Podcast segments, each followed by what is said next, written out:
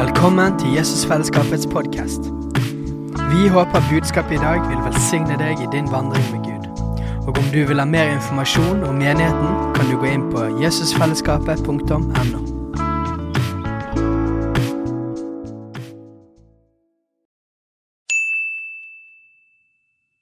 Hei! Visste du at Jesusfellesskapet starter en ny bibelskole til høsten? Den heter Jesusskolen og starter den 3. september. Gå inn på jesusskolen.no for mer informasjon.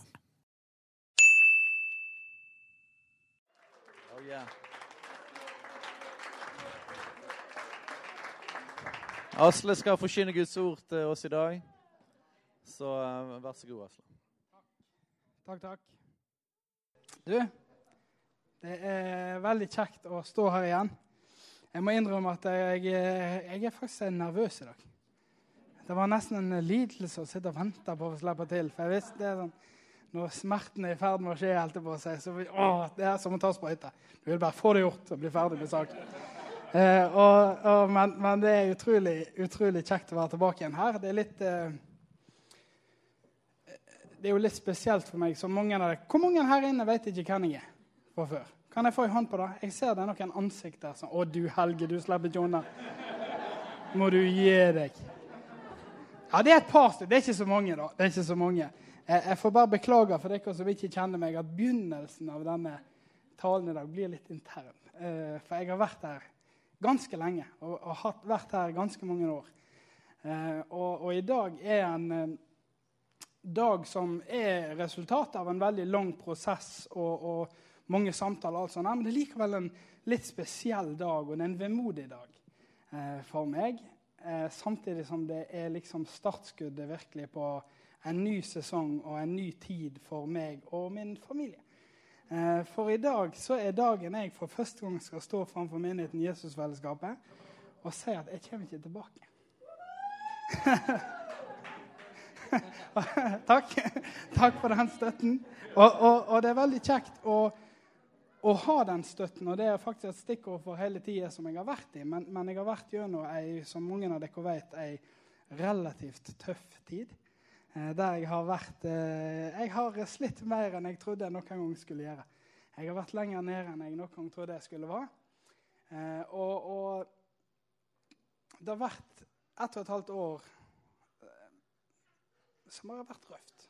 Det tror jeg eh, jeg kan si uten å overdrive nevneverdig. Eh, og når jeg nå står liksom her og, og, og eh, smiler og er glad og, og eh, sikker og trygg på hva vi skal gjøre, så er det likevel vemodig fordi at det markerer òg slutten på noe som har vært ikke den totale slutten, men, men, men, slutten på en sesong og en fase som har vært utrolig rik. Selv om man slutter litt vondt. Men det er, ikke, det er, ikke, så farlig. Det er ikke så farlig å ha det vondt så lenge en ikke har det vondt hele tida. Eh, da blir det farlig. Smerte er ikke så skummelt i seg sjøl, men kronisk smerte kan jo bli litt kjipt i lengden. Det eh, kan vi alle være enige om. Eh, jeg har lyst også, jeg må ta fram notater, for det er liksom noen ting jeg har lyst til å si. Så jeg må ha det med. Så da kan hende jeg leser litt. Eh, jeg må si at i den tida som jeg har beskrevet, som har vært eh, veldig vond der jeg, jeg, var sykemeldt, for de som ikke vet det, så var jeg sykemeldt nesten et halvt år. Eh, utbrent, deprimert, kalte de meg for. Og det hadde de søren meg rett i. Eh, og Så sånn var det. Halleluja. Eh, først kalte de meg faktisk for psykisk ustabil situasjonsbetinget. Det var litt verre. Men, men det var en litt sånn ung svensk lege som var inne på turnus. Han har ikke helt peiling, tror jeg. Jeg skylder på det. Jeg får ta det opp med psykologen i rommet etterpå, med Kaja, men, eh, men jeg, eh, jeg, bestrider den diagnosen. Den holdt ikke med, heldigvis. Ja da, så Sånn var den saken. her. Og I den tida som har vært røff, så eh, har jeg òg opplevd en enorm støtte. Eh, og da har jeg lyst til å adressere først og fremst er jo min nærmeste familie som virkelig har backa og vært fantastiske. Og ikke minst min kone, som har gått dobbelt når jeg har gått null.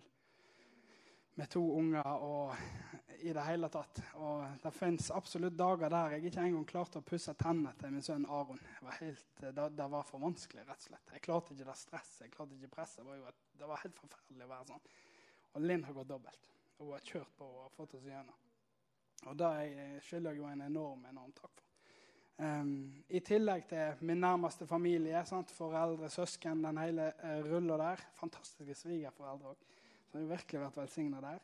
Så har jeg lyst å nevne noen som har brukt, brukt, tid på meg, brukt masse tid på meg.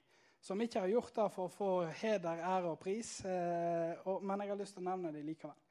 Jeg har lyst til å nevne at Peter, Magne, Helge, Patrick og Sverre Skilbred de har på en spesiell måte rett og slett brukt tid på meg i den mørke tida og bare vært der. I, I, konstruktive samtaler og rett og slett bare av og til samtaler. Eh, og det har betydd enormt, enormt mye. Jeg har òg lyst til å si til både Ingebjørg og Fredrik og eh, Steinar og Katrine at jeg har opplevd en enorm støtte derifra òg. De har gitt meg en enorm frihet eh, og gitt meg virkelig rom og beskytta meg mot alt mulig som nå enn måtte være, for å få virkelig den tida og det rommet som jeg har trengt for å komme gjennom på en god måte. Det setter jeg enormt, enormt pris på.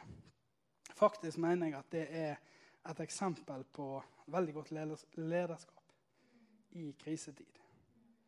For jeg tror vi, vi kan òg skjønne at den andre sida av saken kan være at eh, når en av de som er i ledende posisjoner, går ned for telling, så kan en tenke organisasjon nå må vi på en eller annen måte legge press på mennesket Asle for at lederen Asle dette skal se bra ut for oss. Men, men det har vært stikk motsatt. Det har vært at mennesket Asle har virkelig fått den tid og det rom han har trengt for å komme igjennom. Eh, det mener jeg er prisverdig. Huh. Yeah! Det er jo herlig, vet du. Jeg, jeg syns egentlig at, eh, at, vi skulle hatt en sånn eh, god tid til å bare ta en skikkelig klemmerunde kom litt inn i salvelsen her i begynnelsen, bare klemmer på alle folk. og Det var så herlig. vet du. Så kjekt å se deg gå igjen. Så vi kan gjerne sånn etterpå, når vi har tatt den heftige kollektpreken til Steinar på slutten det, altså, jeg, for å si det sånn, jeg, jeg, tror aldri jeg i mitt liv har hørt Steinar ha kollekter. Eh, så hvis han vil ha det, så syns jeg det er så sensasjonelt i seg sjøl at jeg mener at eh, her er det fram med iPhone-kameraene og dokumentere begivenheten. For det må jo det må jo være Gud hvis Steinar vil ha eh, så det jeg synes det er spennende. Jeg, jeg er for. Jeg er for. og på tross av dette der at vi sier at eh, ja, nå kommer vi ikke tilbake til Jesusfellesskapet, vi, vi, har funnet ut at vi går andre veier. Eh, faktisk er vi på vei inn i pinsebevegelsen. Hvem kunne tro? Halleluja. Skjer det? Oh. Jeg har hatt et par forkynneroppdrag ute på Betel Mollekleiv. Snittalder 80 år. Nei da, ikke fullt så galt. Eh, men det er i hvert fall en annen snittalder enn det her. Men du hjelper meg hvor jeg har kost meg der ute. Det har vært helt herlig. Eh, så vi har ikke landa 100% akkurat på hva vi gjør, men du skal ikke se vekk ifra at eh, vi går inn der. Og har lyst til å bety. Det er jo der vi skal, så mange av dere vet, vi skal bygge hus der ute. Så det er den veien det går. Og, og min kone spesielt, hun er jo den som har drømmer lenge før jeg har drømmer. Jeg tenker på tomten og hvordan den kan Hvor skal den veien være? Hva skal jeg gjøre med den veien der? OK, jeg må grave ned der. Jeg tenker på sånne ting. Jeg tenker jeg må få de her praktiske tingene til. Da er hun allerede og drømmer om blomsterbedene som skal være Hekken skal være sånn. Der skal være et lite overbygg og terrassen og alt sånt. Jeg, jeg er ikke kommet der engang. Jeg er så vidt kommet til grunnmuren. Eh, og jeg kommer ikke videre før jeg er ferdig med den. Eh, men hun er drømmeren, da. Så nå drømmer hun òg om, om litt forskjellig knask. Skal ikke avsløre alt. vet du, Føler seg kanskje utlevert. Men, eh, men man har lyst til å bety en forskjell for bygda eh, der ute der vi burde ha med. Det har vi virkelig. Eh, og det, det, er herlig, da. Så det er den veien det går. Så vet jeg noe om det, i alle fall. Um, og selv om vi liksom sier ha det og takk og farvel på den måten, så er vi jo utrolig glad for dette at relasjoner ikke er begrensa til menighetens fire vegger. Eh, det er vi utrolig glad for. Og jeg, eh, jeg har faktisk tenkt til eh, og så får Steinar og Fredrik og Katrine og Ingebjørg og alle hvem det måtte være, ta stilling til det. Men jeg har tenkt å komme tilbake igjen her og dele Guds ord. Yeah. Jeg har til og med tenkt å komme på besøk. Bare for å være her for artighets skyld. Jeg kan til og med hende jeg sluntrer innom en heftig konferanse For jeg trenger å ligge litt på gulvet og rulle og ha det gøy. Det er, ikke så, det er liksom ikke så, stor plass der framme på BT, faktisk. Det er litt sånn at stolene står litt langt framme. Eh, og jeg er jo en relativt omfangsrik mann, så jeg trenger liksom litt plass. Og da føler jeg ligger veldig til rette her. Så, så, når jeg har behov for det, da kommer jeg tilbake. altså. Eh, og det går bra. jeg, jeg, jeg har en sterk mistanke om at jeg er velkommen en, en, sterk mistanke. Og det er òg utrolig deilig for oss. Selv om liksom, hvis du aldri har hørt før at vi skal eh, stikke av gårde, så høres det jo dramatisk ut. Og på en måte er det det. Eh, på en måte er det her vi virkelig har investert inn og gått all in for å være. Og vi har aldri på noe tidspunkt i den eh, planen hatt, hatt, det ligget som plan at nei, dette skal vi gjøre for en periode. Nei, vi skal gjøre dette for livet. Dette skulle vi, Det var vår plan. Vi skulle gjøre dette for livet. Men så ble det ikke sånn. Det ble ikke for livet. Og så var det voldsomt dramatisk en periode. Hele sesongen var voldsomt dramatisk. Men når jeg står her nå og har gått gjennom prosessen, så er det utrolig lite dramatisk for meg. i alle fall. Eh, jeg reiser ikke i opprør, sinne, bitterhet. Eh, noe sånt som det. Jeg reiser fra venner til venner. På mange måter føler jeg meg at jeg er en sønn av huset som skal flytte hjemmefra. Og etablere meg hjemme på en ny heimplass. Og det føles godt. Eh, det føles utrolig godt å ha det på den måten. Og jeg vet at, at jeg har vært innom Veien bibelskole. Veien-elevene vet ikke hvem jeg er. De har ikke peiling på hvem jeg er. Når var sist gang Veien-elevene ikke visste hvem jeg var? Jeg har ikke vært der og gjort det som jeg gjør nesten hvert eneste år. At jeg tar fram folk som aldri har fått kunnskapsord, og aktiverer de for kunnskapsord. Jeg har ikke hatt om sex og samliv. Det er nesten traumatisk. De vet ikke hvem jeg er. Hvem, kom inn på veien, så er det Hvem er du? Jeg visste nesten ikke hva jeg skulle si. Det var rett før jeg gikk i formalitetene. Jeg er faktisk formann i styret på vei. Og det er faktisk. Jeg er Asle. Ja. Så sånn er det blitt. Det er jo veldig rart å være sånn, men sånn er det. Men det kan hende at jeg lurer meg til å få en undervisning i sex og relasjoner igjen. Det er ingenting som er så gøy som å ruste opp i den veien-klassen eh, og fortelle om de tingene. Da blir de stressa. Da blir de stressa, altså. Det er herlig. Nei, det, det er helt konge. Jeg håper det er noen andre som tar det. Det håper jeg virkelig. Ja. Nei, men det er greit. vet du. Jeg prater bare litt, men jeg regner med det går greit. Og som jeg tror alle det forstår, men som er viktig for meg å si, Eh, så er det jo ikke sånn at selv om de eh, siste ett og et halvt årene eh, for meg har vært ja, som et lite helvete, det må vi kunne si. I hvert fall deler av det har vært helt forferdelig. Så er det jo ikke sånn at det da betegner hvordan perioden min på Veien bibelskole og Jesusfellesskapet har vært. Det gjør det ikke.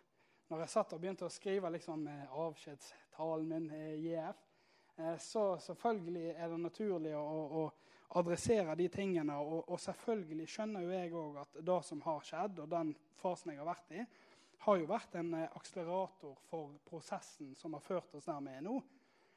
Men hjelper meg hvor fort en kommer inn på at du himmel og hav hvor mye gøy jeg har hatt det her. Eh, både i menigheten og på bibelskolen.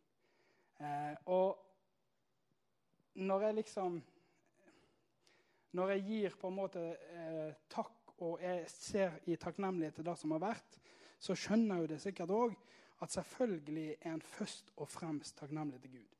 For det er han som har gjort arbeid. Det er han som har betydd forskjellen. Og hadde det ikke vært for han, Det er ikke det at Veien har vært en sabla god klubb. Nei, det er ikke det. det har ikke vært en, og JF vært en veldig koselig sånn interesseklubb. Nei, det har ikke vært det. Det har vært en bibelskole og en menighet som har hatt som mål at du skal få møte den levende Gud. Og det er han som er fantastisk. Så takknemligheten ligger jo selvfølgelig og bør ligge eh, først og fremst til han. Men jeg mener likevel at det er riktig å være takknemlig til de som stiller seg der og gjør den jobben som Gud har kalt dem til å gjøre. Eh, for det betyr faktisk en forskjell. Selv om alltid han fortjener all ære, han fortjener all pris, så er det likevel syns jeg riktig. Jeg vet hvor mye arbeid det kan være. Selv om det er Gud som gjør jobben. Jeg vet hvor tøft det kan være å stå midt oppi alt fantastiske som Gud gjør.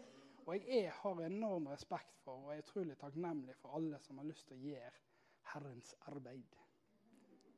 Jeg har det. Jeg syns det er vidunderlig.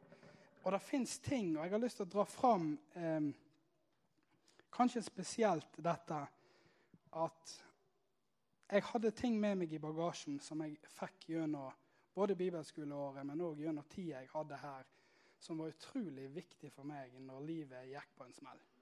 Jeg har jo mange ganger forkynt om hvordan jeg, når jeg begynte liksom, og var elev på en bibelskole, så tenkte jeg, og jeg er helt sikker på at det er noen elever som kjenner seg igjen Jeg er så sikker på at det er noen elever som kjenner seg igjen.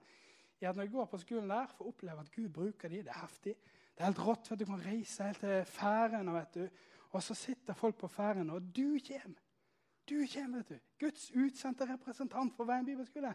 Og det er fantastisk. Det er ingenting med det som ikke er fantastisk. Men jeg tenkte da at nå er livet komplett. I got this. Jeg har fått en hellig ånd. Jeg har rulla på gulvet. Jeg har uh, gjort sånne masse ting. Profetiske ord, helbrede syke, folk har blitt ledet Jesus. I got this. Nå er det bare å kjøre på, for nå blir det bare vekkelse fra nå av og inn i evigheten. Det blir lett. Livet er lett. En dans på roser. Vet du hva, Det er søren ikke en dans på roser.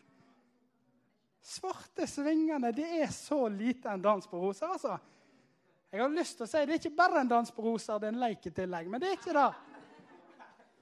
Nei, det er faktisk beintøft av og til. Livet er dritvanskelig, til og med om du har den fantastiske, mest vidunderlige Gud som du får lov å følge. Og så er livet beintøft. Er ikke det crazy? Jeg syns i hvert fall det er crazy. Men sant, likevel, i de her tingene så lærer jeg noen prinsipp som jeg kan møte livet med. For eksempel, skal jeg fortelle deg en ting jeg er utrolig glad for at jeg visste når livet mitt virkelig gikk ned i kjelleren. Og jeg var helt usikker på Du vet at eh, Jeg må ta denne digresjonen òg. Av og til så, så står vi og så minner om dette i lovsangen. Av og til så kan vi falle for den fristelsen å begynne å sammenligne oss med folk. Er det noen som har kjent på det? Du liksom sammenligner med noen andre og tenker hm, skulle vært litt mer sånn. Vet du hva? Da kan du bare slå deg sjøl. Nå begynner å tenke deg, Bare gjør det med en gang. Før du liksom kommer for langt inn i en sammenligning. Bare ta høyrehåndet, god og kraftig. Boom! Få deg ut av det dritet der. Det er virkelig en, eh, en god måte å komme deg langt ned på fort. Begynne å sammenligne. Og typisk, og det er jo ikke når vi er på toppen vi begynner å sammenligne oss med folk. jeg vet ikke om du har lagt merke til Det Det er jo ikke når du har det helt konge, du er helt super, du står bam, bam, har forkynt Guds ord, og så begynner du å sammenligne deg. Yeah. Det er jo veldig få av oss som gjør det. Og, og, hvis du gjør det, så snakk med Fredrik, så kan jeg hjelpe deg ut av det. Men, men sant, det er jo veldig få som begynner liksom Yeah, jeg er så mye bedre enn alle andre. Yeah. Det, det, er ikke så mange som gjør det. Det er et eller annet med Guds nåde som gjør det litt vanskelig. Da. Selvfølgelig kan vi ha våre øyeblikk, men, men jeg opplever at det er veldig oftere motsatt når ting går skikkelig dårlig. Da begynner vi å sammenligne oss. At plutselig da kommer sammenligningspolitiet. Skal du tenke ja, Herlig fred. Jeg klarer ikke engang å komme meg ut av sengen tidsnok. Og der står han her forbanka evangelisten og har forkynt evangeliet til tolv personer før jeg kom meg opp fra sengen. Tre av dem ble til og med frelst, og fire ble med på møtet. Herlig fred. Jeg, det, er helt, sant? det er jo da vi begynner å sammenligne oss med, med folk. Men vet du hva? Vet du hva jeg har funnet ut? At av og til krever det like mye mot å komme seg ut av sengen som det gjør å stå og være heftig frimodig. Av og til er det faktisk like mye, like vanskelig av og til er det faktisk vanskeligere å komme seg opp av den sengen og begynne på en ny dag som det å stå der og være frimodig på Herren. Og så tenker du kanskje nei, men herlig fredagsle, det var et steikende lavt ambisjonsnivå du har fått. Har du blitt helt mest opp på psykologisk fakultet? Ja, det kan jo hende. Jeg skal ta høyde for det. Men jeg får lyst til å si at vet du hva, så tosjen var jeg òg. At jeg tenkte sånn før at det var noe et steikende lavt ambisjonsnivå. Vi er jo på seierlaget. Det er jo fra seier til seier, fra herlighet til herlighet. Det er jo bare glory to glory. Halleluja. Men så kom jeg sjøl, da. Så fikk jeg sjøl det sånn at det var så vidt jeg kom meg opp av senga. Og hver natt var en kamp. Og da finner faktisk lyst og motet til å stå opp om morgenen var langt vekke. nå. Og jeg er helt sikker på at det sitter folk her inne i dag som, som har kjempa en større kamp for å faktisk være her. For å faktisk igjen løfte liksom banneret, for å si det sånn. Igjen komme på menighet, være der menigheten samles. Enn alle fantastiske tingene som har skjedd. Og begge deler, det er jo ikke det at no, Noen av de delene er på en måte å ja, nei, det er ikke så bra å være frimodig med Gud. Jo, det er fantastisk å være frimodig. Det er jo fantastisk å høre alle veienlevende og det de får lov å oppleve. Det er jo helt nydelig. Det er livsforvandlende. Det er nåde over nåde. Det er jo helt amazing at vi får lov å være med på det. Men jeg har òg lyst til å dra fram det med å faktisk stå ut løpet. Og faktisk, når livet er tøft, gjøre de riktige tingene eller stå opp om morgenen. Det er av og til verdt å feire. For det er altfor lett at vi kan komme inn i der at vi tenker og vi fraskriver oss sjøl som idioter som mislykker folk, som sjanseløse. Er du klar over hvor mange ganger jeg har tenkt i løpet av den perioden jeg har vært gjennom, at nå Asle Sakariassen er håpet ute? Hvis du klarer å få deg jobb nå, bare å klare å forsørge familien, da er du heldig, altså. Og så er det en løgn rett ifra helvete. sant? Men det er typisk at djevelen kommer når du er lengst nede, og så sier han til deg ja, Sånn som du har det nå, sånn kommer det alltid til å være. Nå har du kommet inn i sånn liv egentlig, men så er det bare tull. Jeg får lyst til å sitere Nei, det var faktisk ikke et sitat. Men jeg får lyst til å si 'This too shall pass'.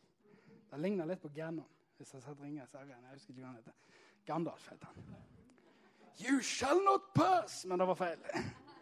This too shall pass. Og det er noe med det der at til og med òg der det er vanskelig, det kommer faktisk til å gå forbi. Det kommer til å gå forbi. Du kan, du kan så med tårer om kvelden, men du skal høste med fryderop om morgenen. Og hvis du er i en sesong av å så, ja, da skal du ikke være redd, altså. Du kan heller begynne å takke din Gud for at oh, men de her fryderopene kommer til å bli bra. nå. For det gjør de nå for første gang i januar så kjente jeg at jeg var tilbake med full kapasitet. Det kjente jeg faktisk. Jeg kjente at jeg er for glad. Ja, sånn på ordentlig, liksom.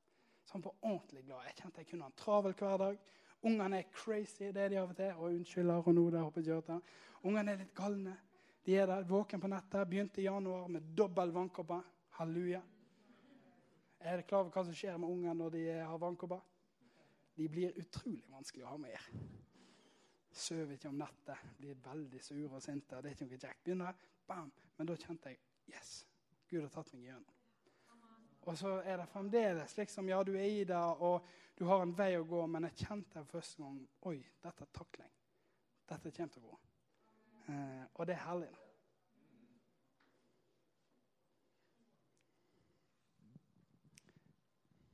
Hør på dette her sannheter som jeg har med meg fra tida jeg har hatt. Jeg tror ikke det blir en overraskelse for noen. det kan. Gud er god. Har du hørt den før? Det er utrolig hvor kraftfull den påstanden er når livet suger. Å slippe å fighte med er Gud egentlig god? Er han egentlig god? Ingenting er umulig for Gud ikke det kult? Står til og med i Bibelen. Helt utrolig.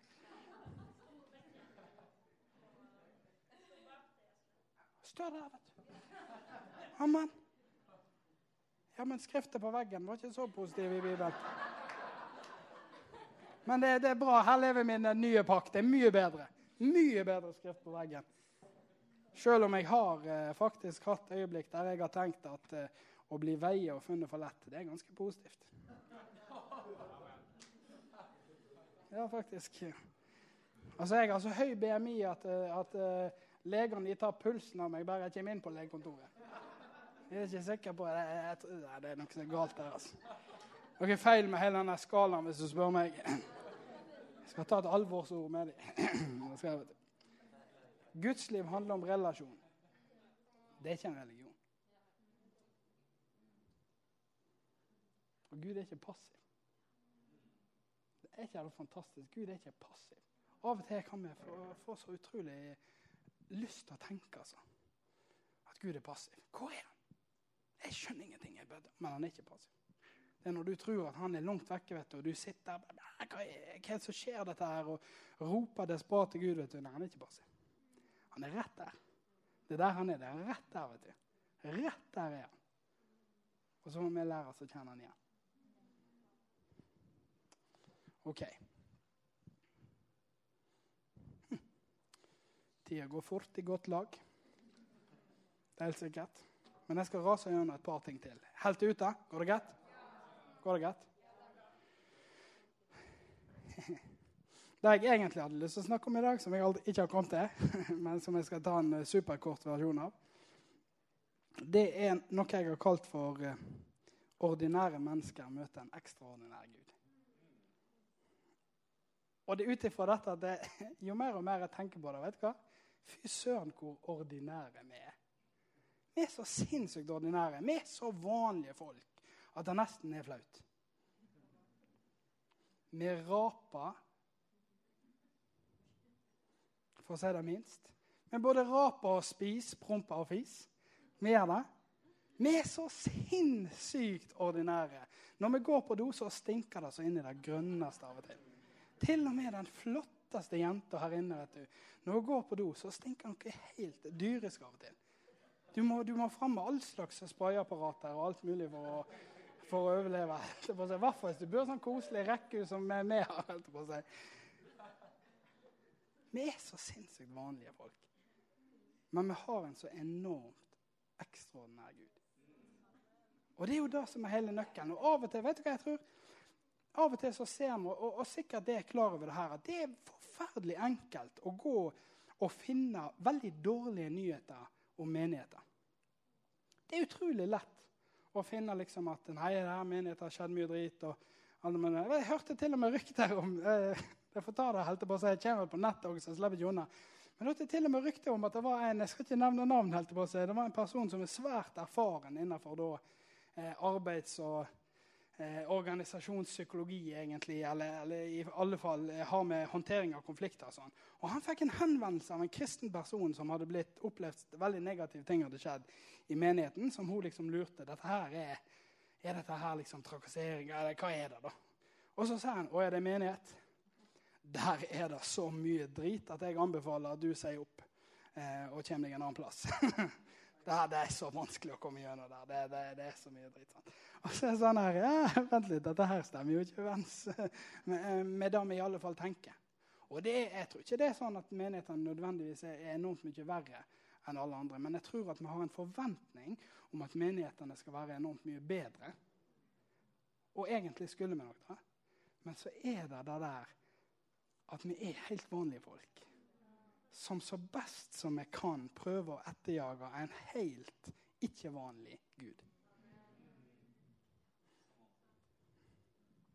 Og av og til tror jeg vi glemmer. For Vi kunne tatt liksom den debatten, og jeg tror at det finnes mange gode innlegg der. Ja, Hva er det som gjør at det er så mye galt som skjer i menigheten? Så ville noen sagt jo, det er fordi at hellighetsbevegelsen den varer ikke ved i dag.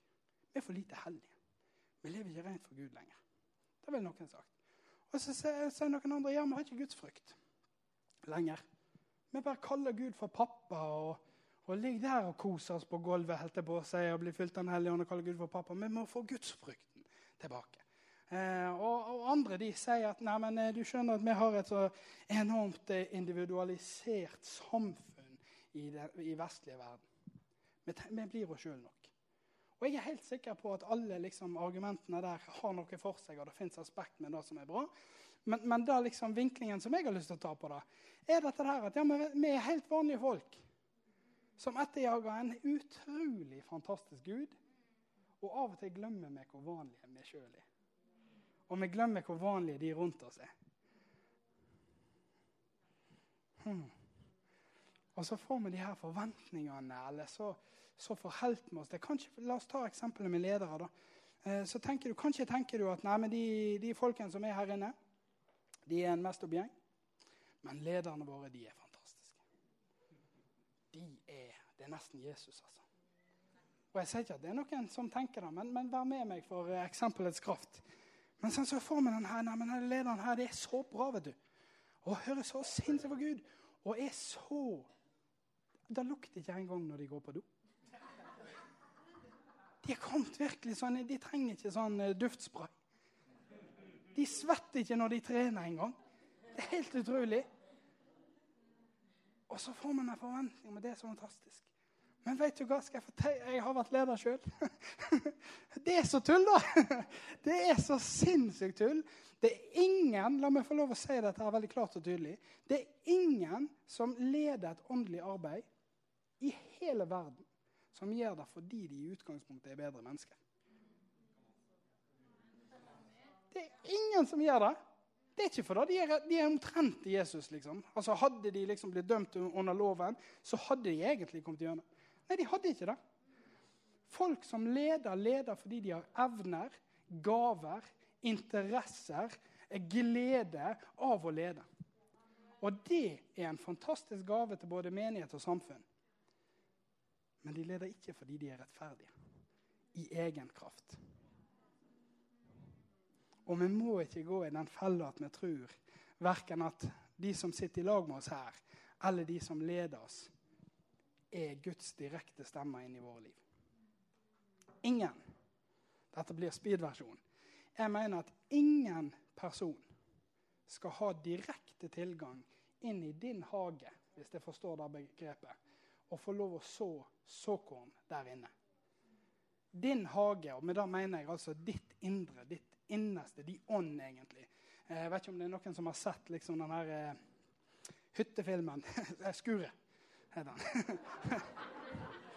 har du sett Skuret? Er det noen som har sett Skuret?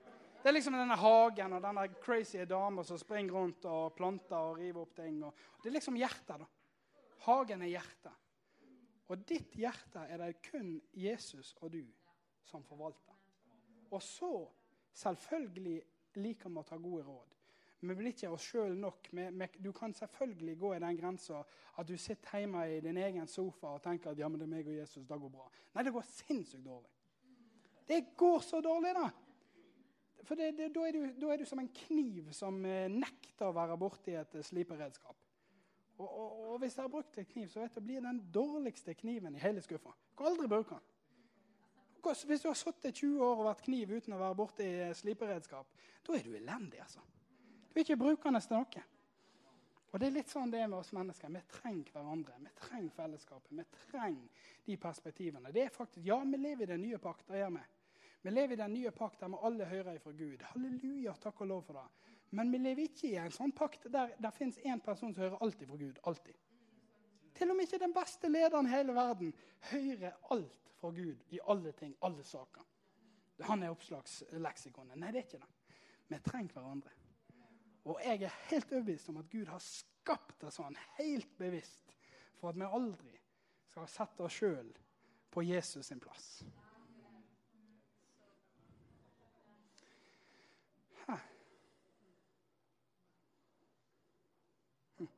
Jeg har lyst til å prøve å ta med én ting til. Går det greit? OK, sammenligning dreper. Det er meningen. Og ledere leder òg basert på tillit. Visste dere det? Det er sånn det er. Trenger tillit for å lede.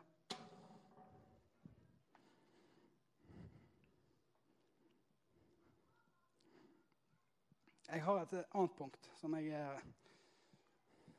jeg tror er veldig bra. Men jeg får bare kaste det ut til dere, og så får det bestemme det. det. Nå er det jo veldig godt at jeg har sagt at det er ingen som skal ha direkte tilgang inn. Eh, og, og, og, det er jo veldig bra. Men, men, jeg mener det helt seriøst. Jeg mener at Det er så seriøst at når du får ting som kommer fra talerstolen her, så skal en vite at det er et menneske som taler. Men han kan absolutt være spot on på Gud, og vi skal ha et åpent hjerte for å ta imot. Men du skal ikke ha et ubeskytta hjerte for å ta imot. Det kan være noe som er en sannhet for en person i den sesongen du er i. La oss si da f.eks. at du er i sesongen av hvis jeg kommer meg opp av senga i det hele tatt i dag, så er det et mirakel. Hvis du da møter en forkynnelse som er helt sann i en annen situasjon, f.eks. da at vi må, altså, vi må slutte å være oss sjøl nok. Eh, vi må slutte å være så egoistiske. Vi må leve. Hvis, hvis du lever for deg sjøl, da mister du livet. Du må ut. Du må forkynne, du må bety en forskjell. Og hvis, hvis, du skjønner det at det blir veldig vanskelig i den sesongen Det blir forferdelig vanskelig hvis Gud holder på å reise deg opp, og så skal du liksom Nei, men det er ikke nok. Jeg er for dårlig. Jeg, skal, jeg må egentlig eh, forkynne til 100 folk hver dag, ellers er jeg mislykka. Ja, det blir vanskelig. Og derfor trenger vi det der filteret. Eh, det jeg har lyst til, og som du skal få lov å dømme Hør på dette. Det er litt provoserende sagt. Er det lov? Her i Jesusfellesskapet? Ja, det vet jeg jo at det er. Å hvile i Guds ferdiglagte gjerninger oversettes ikke med å være en sjøltilfreds sofagris. I noen bibeloversettelse jeg har sett, i alle fall. Oi. Og Grunnen for at jeg syns det er så gøy å tale av det der, er jo òg fordi at det er noe som Gud har arrestert meg veldig på. Sofagis er jo litt enormt. Men ansvarsforskrivelsen, som det av og til kan være, å legge alle ting på Gud. La meg ta et par eksempel, som det kanskje kan følge meg bedre. Det kan være veldig lett som ung, framadstormende singel person kanskje. Først og fremst, Det blir litt verre når du blir foreldre og får unger. av en eller annen grunn. Eh, men det kan være veldig lett. Og når du er liksom young, wild and free, ei sjel og ei skjorte, og sier du, 'Jeg lever i tro'. Jeg jobber ikke, jeg lever i tro. Det er så konge, vet du. Men når hver måned kommer og oppgjøret skal gjøres, så er det kredittkortselskapet som lar deg overleve. Hm.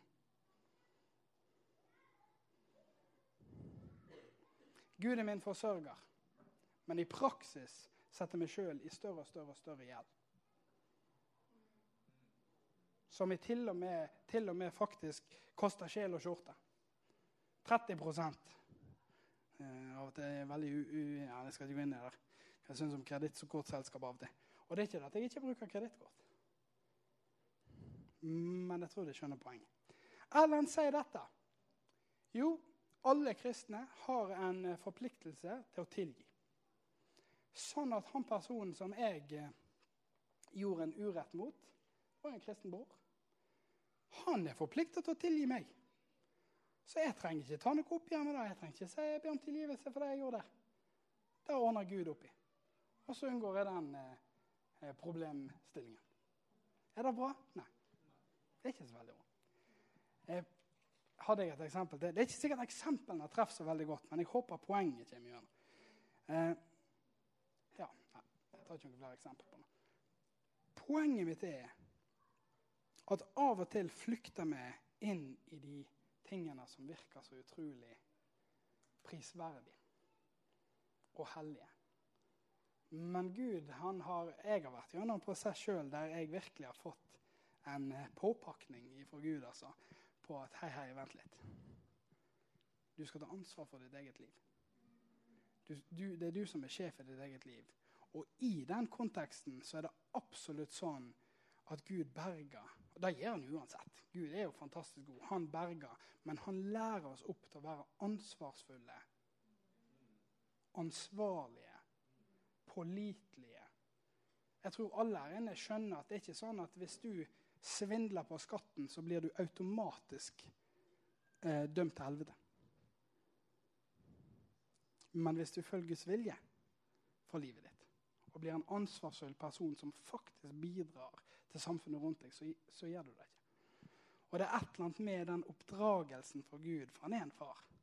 Og han oppdrar oss. Og av og til, ikke alltid, absolutt, dette vil ikke treffe alle, men av og til er det ting i våre liv som vi gjør i Guds rikes prinsipp, som egentlig er en flukt for å deale med det Den hellige ånd faktisk drar opp i livene våre. Og vi tjener så enormt på å tørre å gå inn den døra, sjøl om den er forferdelig smertefull.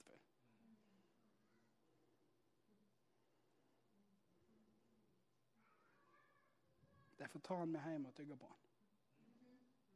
Gud er veldig glad i dere uansett. Men det er godt å bli fri. Det er godt, og jeg kjenner sjøl det er så godt å sette seg med førersetet igjen og merke at hei, det var jo her jeg skulle sittet hele veien. Takk for meg. Vi snakkes igjen. Hei, alle sammen. Det er Katrine og Steinar Lofnes her. Vi er hovedledere for Jesusfellesskapet. Så kjekt du har lyttet til denne podkasten. Har du forresten hørt noen av de andre podkastene våre? Ukens tale, Disippelskolen, Hyrdepodden, Kulturkrigen og Mammas hjerte.